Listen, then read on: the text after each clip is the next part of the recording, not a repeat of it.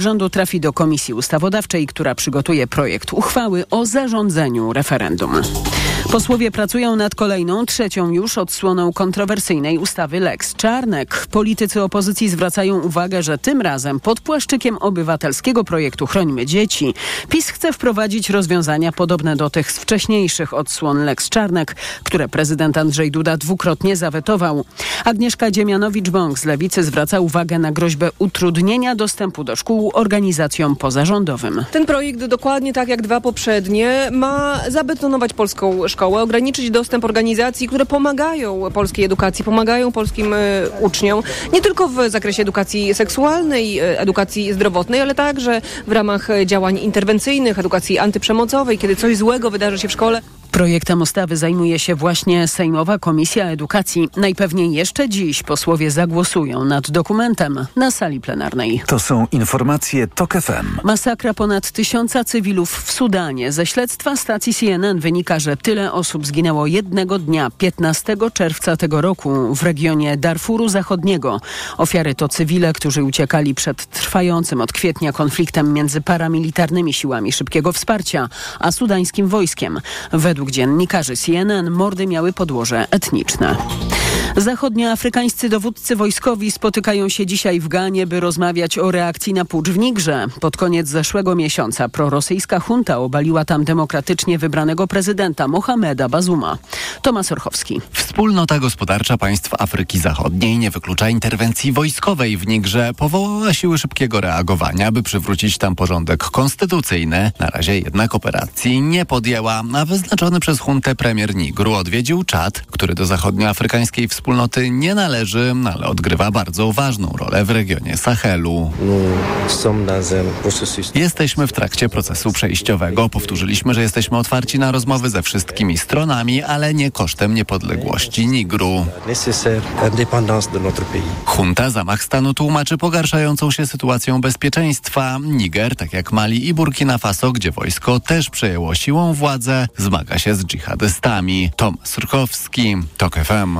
Na koniec jeszcze pomorski samorząd, który podpisał właśnie kolejną umowę na dostawę taboru kolejowego. Pasażerowie na regionalnych i podmiejskich trasach mogą liczyć w przyszłości na kilkadziesiąt nowych składów. Paweł Radzewicz zna szczegóły. Skala kolejowych zakupów realizowanych przez samorząd województwa może robić wrażenie, przyznaje marszałek Mieczysław Struk. Już w roku bieżącym mamy otrzymać 8 pojazdów, 8 następnych w roku przyszłym, no i potem lawinowo całą resztę. Czyli 36 pociągów albo więcej, bo podpisany właśnie kontrakt ma opcję rozszerzenia o kolejne 9. Jeśli z tak zwanego Krajowego Planu Odbudowy będziemy mogli uzyskać środki finansowe na ten kontrakt, będziemy kupować ponad 40 pojazdów, które w zasadniczy sposób zmienią stan techniczny taboru w obszarze aglomeracji, ale także w ruchu regionalnym. Część zamówionych już pociągów będzie miała napęd hybrydowy. Z Trójmiasta Paweł Radzewicz, TOK FM. Kolejne informacje o 12.20. Teraz prognoza pogody.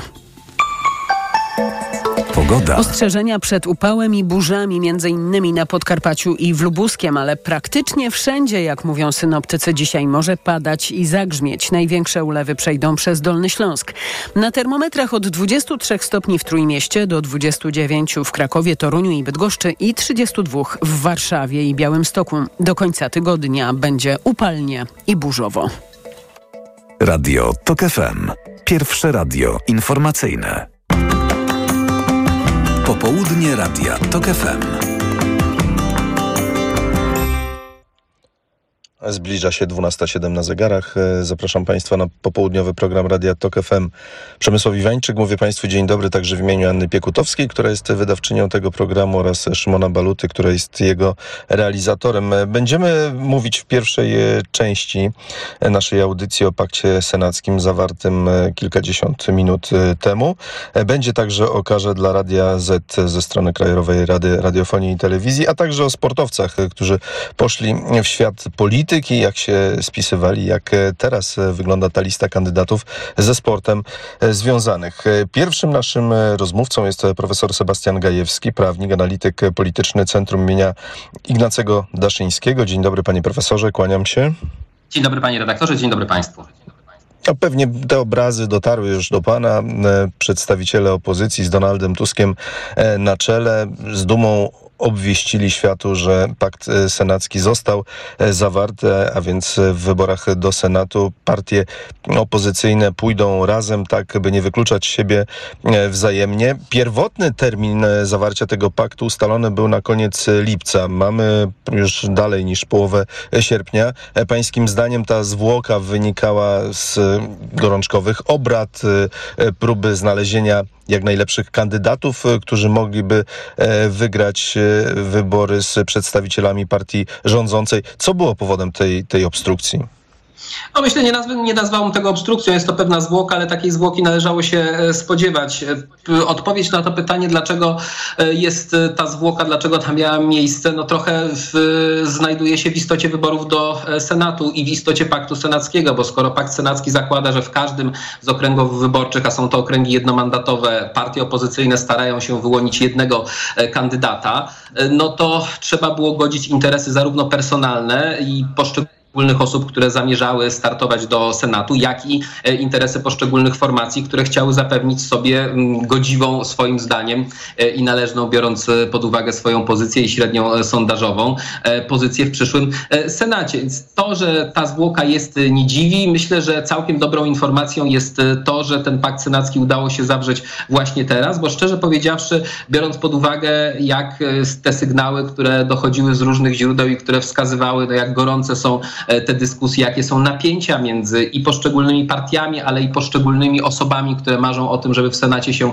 znaleźć, to i tak ta data jest całkiem dobra. Można, można było sobie wyobrazić, że jeszcze jakiś e, czas e, koalicjanci będą się ze sobą spierać, bo tu trzeba też powiedzieć jedną rzecz, że to nie jest tylko spór między poszczególnymi partiami politycznymi, to znaczy ile każda z nich ma mieć mandatów do Senatu albo szanse na ile mandatów z nich każda ma mieć, ale myślę, że w tych wyborach do Senatu ze względu na to, że okręgi wyborcze są mniejsze niż do Sejmu, ze względu na to, że to są jedno, to jednomandatowe okręgi wyborcze, że liczy się tutaj indywidualna rozpoznawalność, no także Także trzeba było pewnie godzić te ambicje na poziomie e, lokalnym i mierzyć się pewnie z takimi lokalnymi szantażami. Trzeba było je po prostu rozmasowywać. To znaczy, no właśnie, ktoś może mówić, ja chcę wystartować do Senatu, jeśli nie będę miał rekomendacji paktu senackiego, to wystartuję z własnego komitetu, a wtedy zwycięży Prawo i e, Sprawiedliwość. Więc pewnie trzeba było także rozmasowywać takie lokalne kryzysy, co nie jest w tych wyborach senackich bez znaczenia. Nie szukając dziury w całym, z premedytacją użyłem słowa obstrukcja, no bo pośród przedstawicieli partii opozycyjnych byli i tacy, którzy no, troszeczkę kręcili nosem, nie byli zadowoleni z propozycji kandydatów. Przy tej okazji proszę e, powiedzieć, jakie były kryteria ich wyboru. Ta rozpoznawalność to, to, to jedno, o którym pan powiedział, ale czy na przykład pierwszeństwo dostawali ci, którzy już e, zasiadają w e, parlamencie, czy też w ogóle nie miało to żadnego znaczenia? No, myślę, że o te kryteria ostatecznie trzeba pytać liderów i te osoby, które negocjowały pakt senacki, ale jeśli miałbym tak mówić na gorąco, świeżo po przejrzeniu tej listy, to myślę, że co okręg to trochę inne e, kryterium, bo partie realizowały różne swoje e, interesy. No, można zwrócić e, uwagę chociażby na te zmiany w rekomendacjach ze strony Platformy Obywatelskiej. No, mamy taką, takie dążenie wśród, w, w, chyba w kierownictwie Platformy Obywatelskiej, żeby ten Senat e, niejako wzmocnić jako izbę refleksji, żeby nie powiedzieć izbę emerytalną, to znaczy trafiają tam politycy, e, którzy gdzieś z tym głównym nurtem w Platformie Obywatelskiej mają się e, rozstać. Przykład chociażby Grzegorza Schetyny czy Małgorzaty Kidawy-Błońskiej, którzy trafić mają do Senatu. Z drugiej strony no, widać, że są senatorowie Platformy Obywatelskiej, ci, którzy mocniej funkcjonowali w przestrzeni publicznej w ostatniej kadencji, którzy mają wrócić do Sejmu, czyli tam, gdzie toczy się ten zasadniczy spór w polskiej polityce.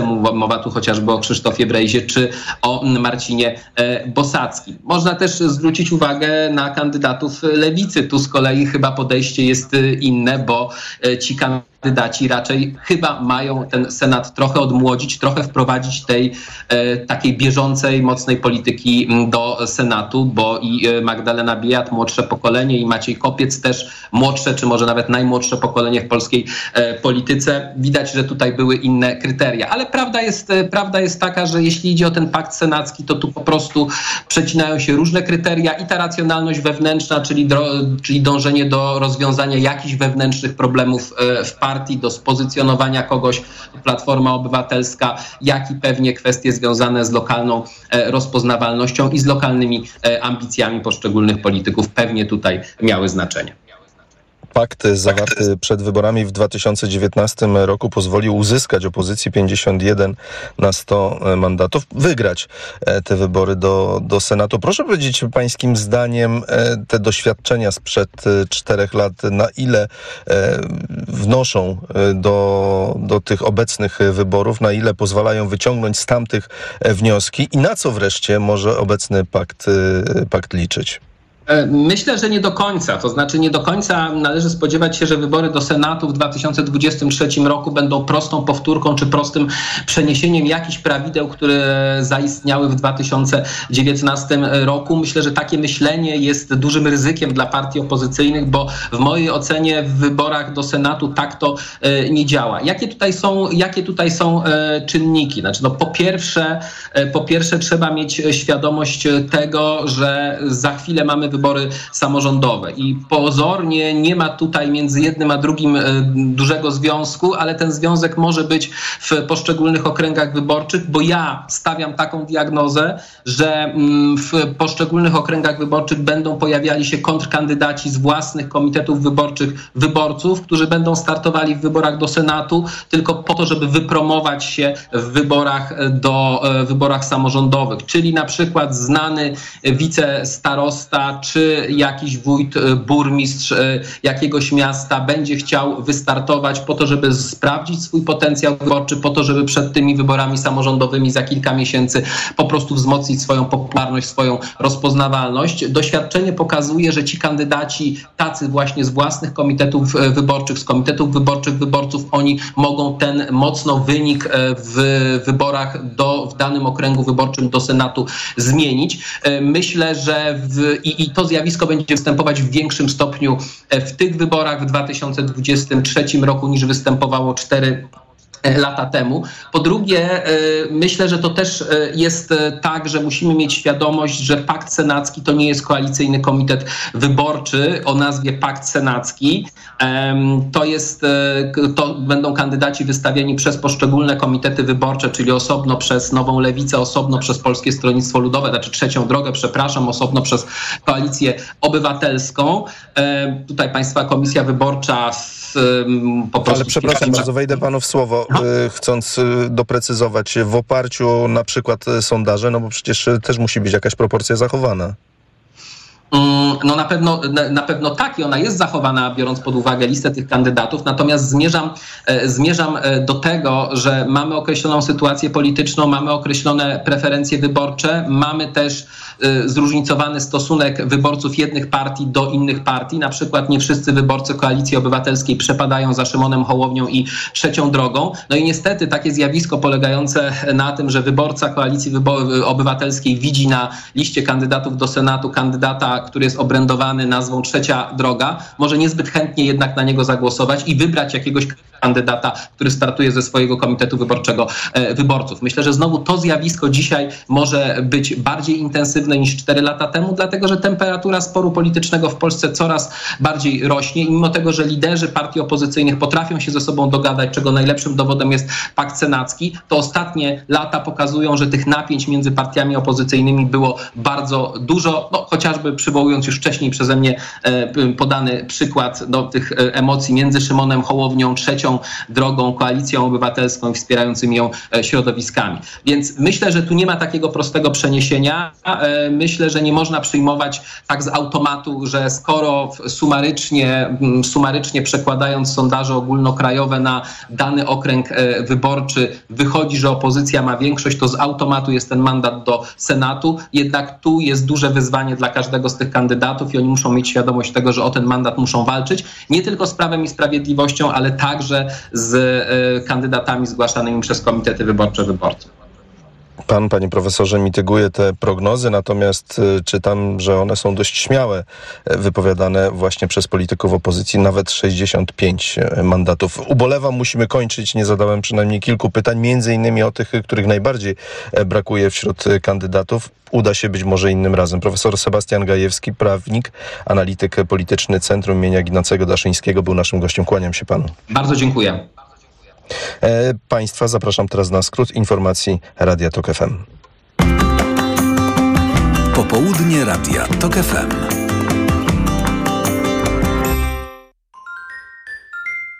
Ekonomia to dla ciebie czarna magia. Masz kapitał i nie wiesz jak go zainwestować? Gubisz się w pomysłach polityków na gospodarkę. Magazyn EKG w TOK FM. Wyjaśniamy, informujemy i podpowiadamy. Od poniedziałku do piątku, po dziewiątej. Sponsorem programu jest Moderna Holding, oferująca apartamenty Skala w Śródmieściu Gdańska. www.moderna.pl Reklama. Ła! Nagły ból w jamie ustnej podczas jedzenia? To najczęściej afty lub drobne urazy. Sięgnij po sprawdzone rozwiązanie. Dezaftan. Po pierwsze, Dezaftan wspomaga leczenie dolegliwości, szybko niwelując ból. Po drugie, zabezpiecz aftę przed podrażnieniami. To dzięki podwójnemu działaniu. Dezaftan jest tak skuteczny. Dezaftan. Podwójnie skuteczny na afty. To jest wyrób medyczny. Używaj go zgodnie z instrukcją używania lub etykietą. Afty, aftowe zapalenie jamy ustnej, pleśniawki, urazy spowodowane przez aparaty ortodontyczne i protezy. Aflofarm. Szokująco niskie ceny w Black Red White. Skorzystaj z okazji. Na przykład biurko z szufladą tylko 99 zł. A do 3 września setki innych produktów do pokoju ucznia nawet do 44% taniej. Szczegóły w salonach i na brw.pl. Bóle nóg, obrzęki, żylaki zatrzymują Cię w pół kroku? Przyczyną mogą być osłabione naczynia, a także zakrzepy. Sięgnij po nowość. Rostil Max z maksymalną dawką substancji czynnej w jednej tabletce. Rostil Max działa podwójnie, wzmacnia naczynia i przeciwdziała tworzeniu się zakrzepów. Rostil Max. Żylaki znikają raz, dwa. Aflofarm. Rostil Max. Tabletka zawiera 500 mg apniatu bezylanu jednowodnego. Wskazania leczenia objawów przewlekłej niewydolności krążenia żylnego kończyn dolnych. To jest lek. Dla bezpieczeństwa stosuj go zgodnie z ulotką dołączoną do opakowania i tylko wtedy, gdy jest to konieczne. W przypadku wątpliwości skonsultuj się z lekarzem lub farmaceutą. Zakupy robię w Lidl, bo to się opłaca. Już od czwartku. Polska papryka czerwona, cena przed obniżką 9,99 za kilogram. A teraz aż 50% taniej. Tylko 4,99 za kilogram. Tak, tylko 4,99. A przy okazji wpadnij po mięso z nogi kurczaka XXL. Tylko 12,99 za kilogram. Tak, mięso z nogi kurczaka XXL. Tylko 12,99 za kilogram. Dla takich oszczędności zakupy robię w Lidlu. Aha, czyli u pani dyskomfort przy oddawaniu moczu nawraca? Tak, pani doktor. I to dosyć często, chociaż biorę leki. Leczenie to podstawa, ale tu bardzo ważna jest również specjalistyczna higiena intymna. Proszę kupić w aptece Iladian Uro. Iladian Uro?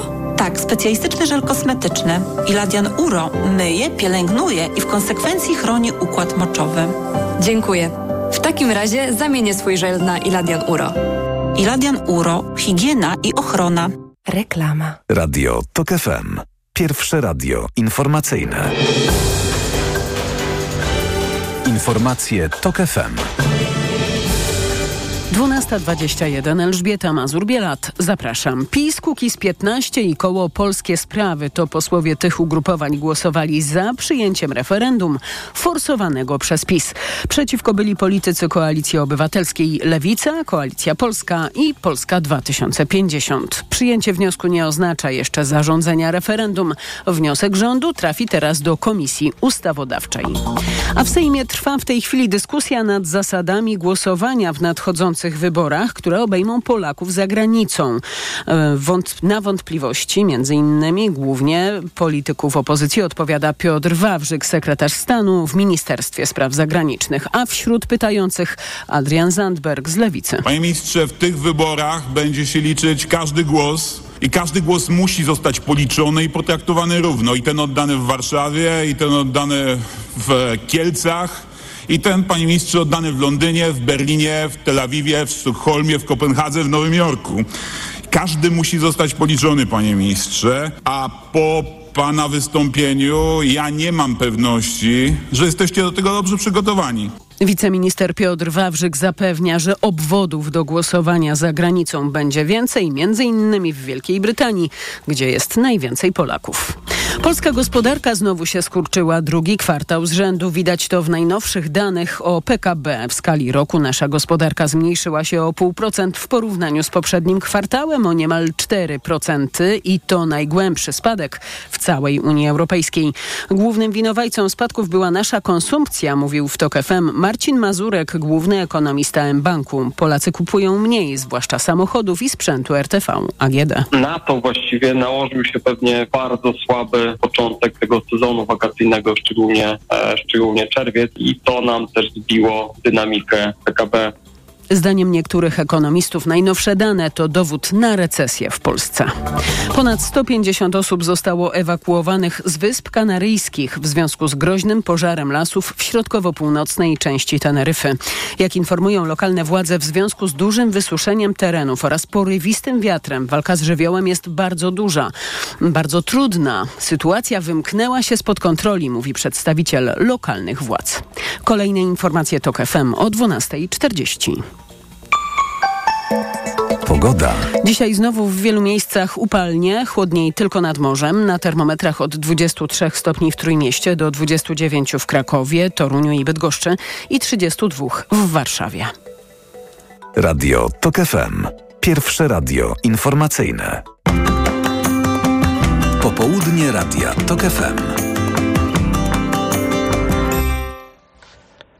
12.23 na zegarach. Kolejnym naszym rozmówcą jest Krzysztof Luft, były członek Krajowej Rady Radiofonii i Telewizji. Dzień dobry, kłaniam się panu.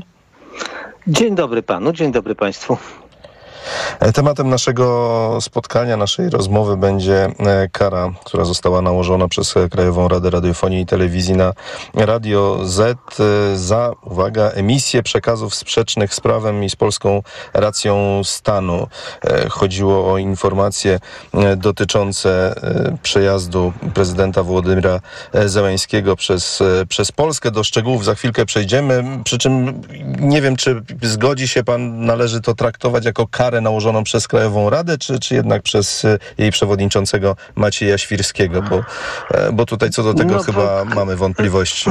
Rzeczywiście, że karę nakłada przewodniczący KRIT-u, tak jak zresztą każdą decyzję administracyjną on podpisuje, natomiast e, są decyzje administracyjne, które po, podejmuje na podstawie uchwały e, całej Rady. W tym wypadku to nie jest konieczne.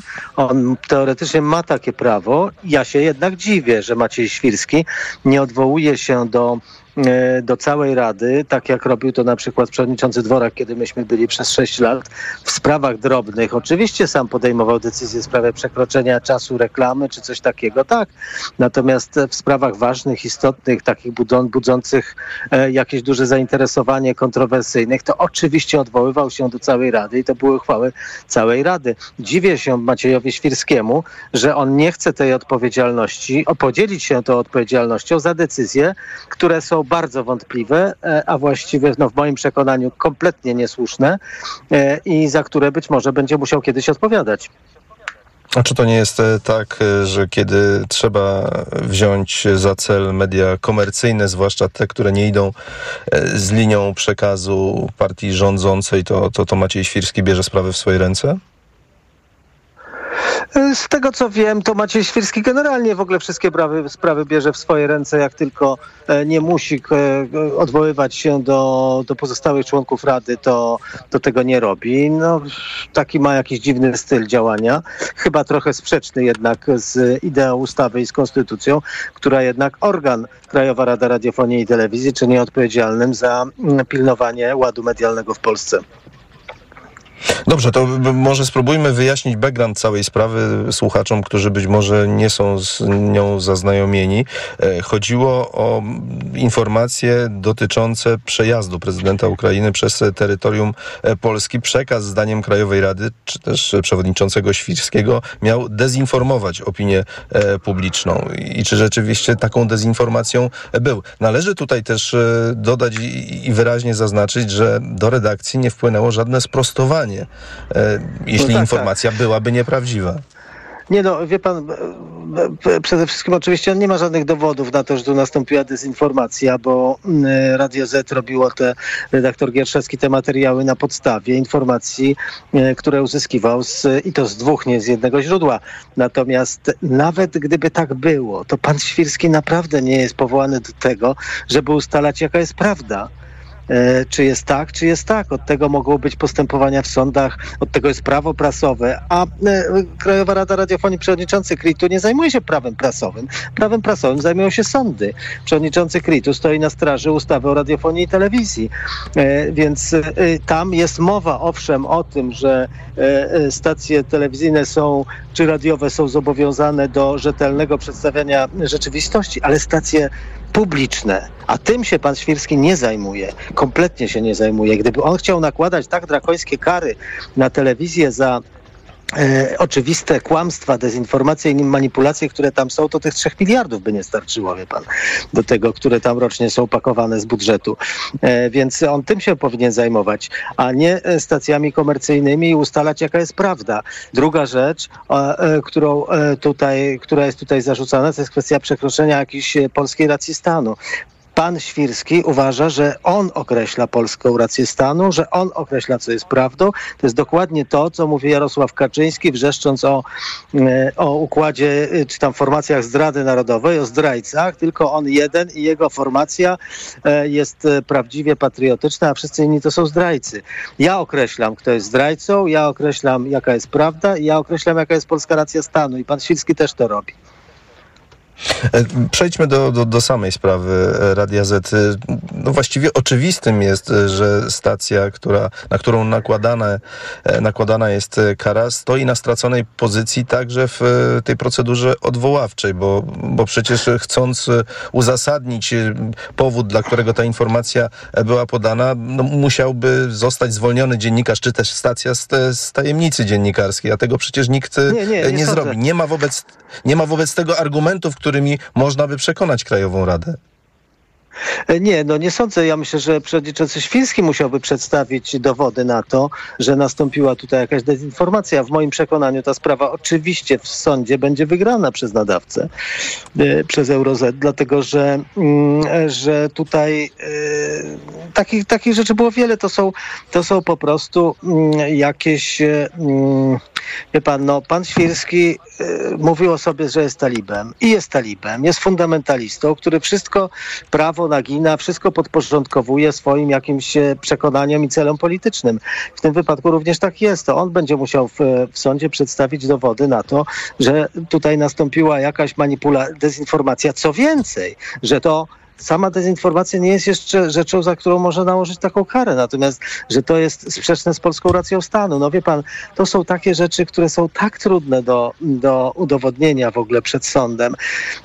Ja pamiętam, myśmy kiedyś mieli taką sprawę z jednym nadawcą podwarszawskim w Legionowie, który wpuścił na swoją antenę na półtorej godziny w ciągu tygodnia, wpuszczał Radio Sputnik, to taka propagandowa stacja rosyjska. I on ich tam wpuszczał. No więc y, oczywiście myśmy na to nie mogli się zgodzić i zastanawialiśmy się nad właśnie użyciem tego artykułu 18 i, e, i tej kwestii naruszenia polskiej racji stanu i prawnicy nam to odradzili, bo to będzie strasznie trudne do wygrania w sądzie i myśmy ostatecznie zabrali temu nadawcy koncesję nie za to, tylko z tego powodu, że nie wolno mu sprzedawać czasu antenowego, bo to jest sprzedawanie koncesji, co jest zabronione w ustawie.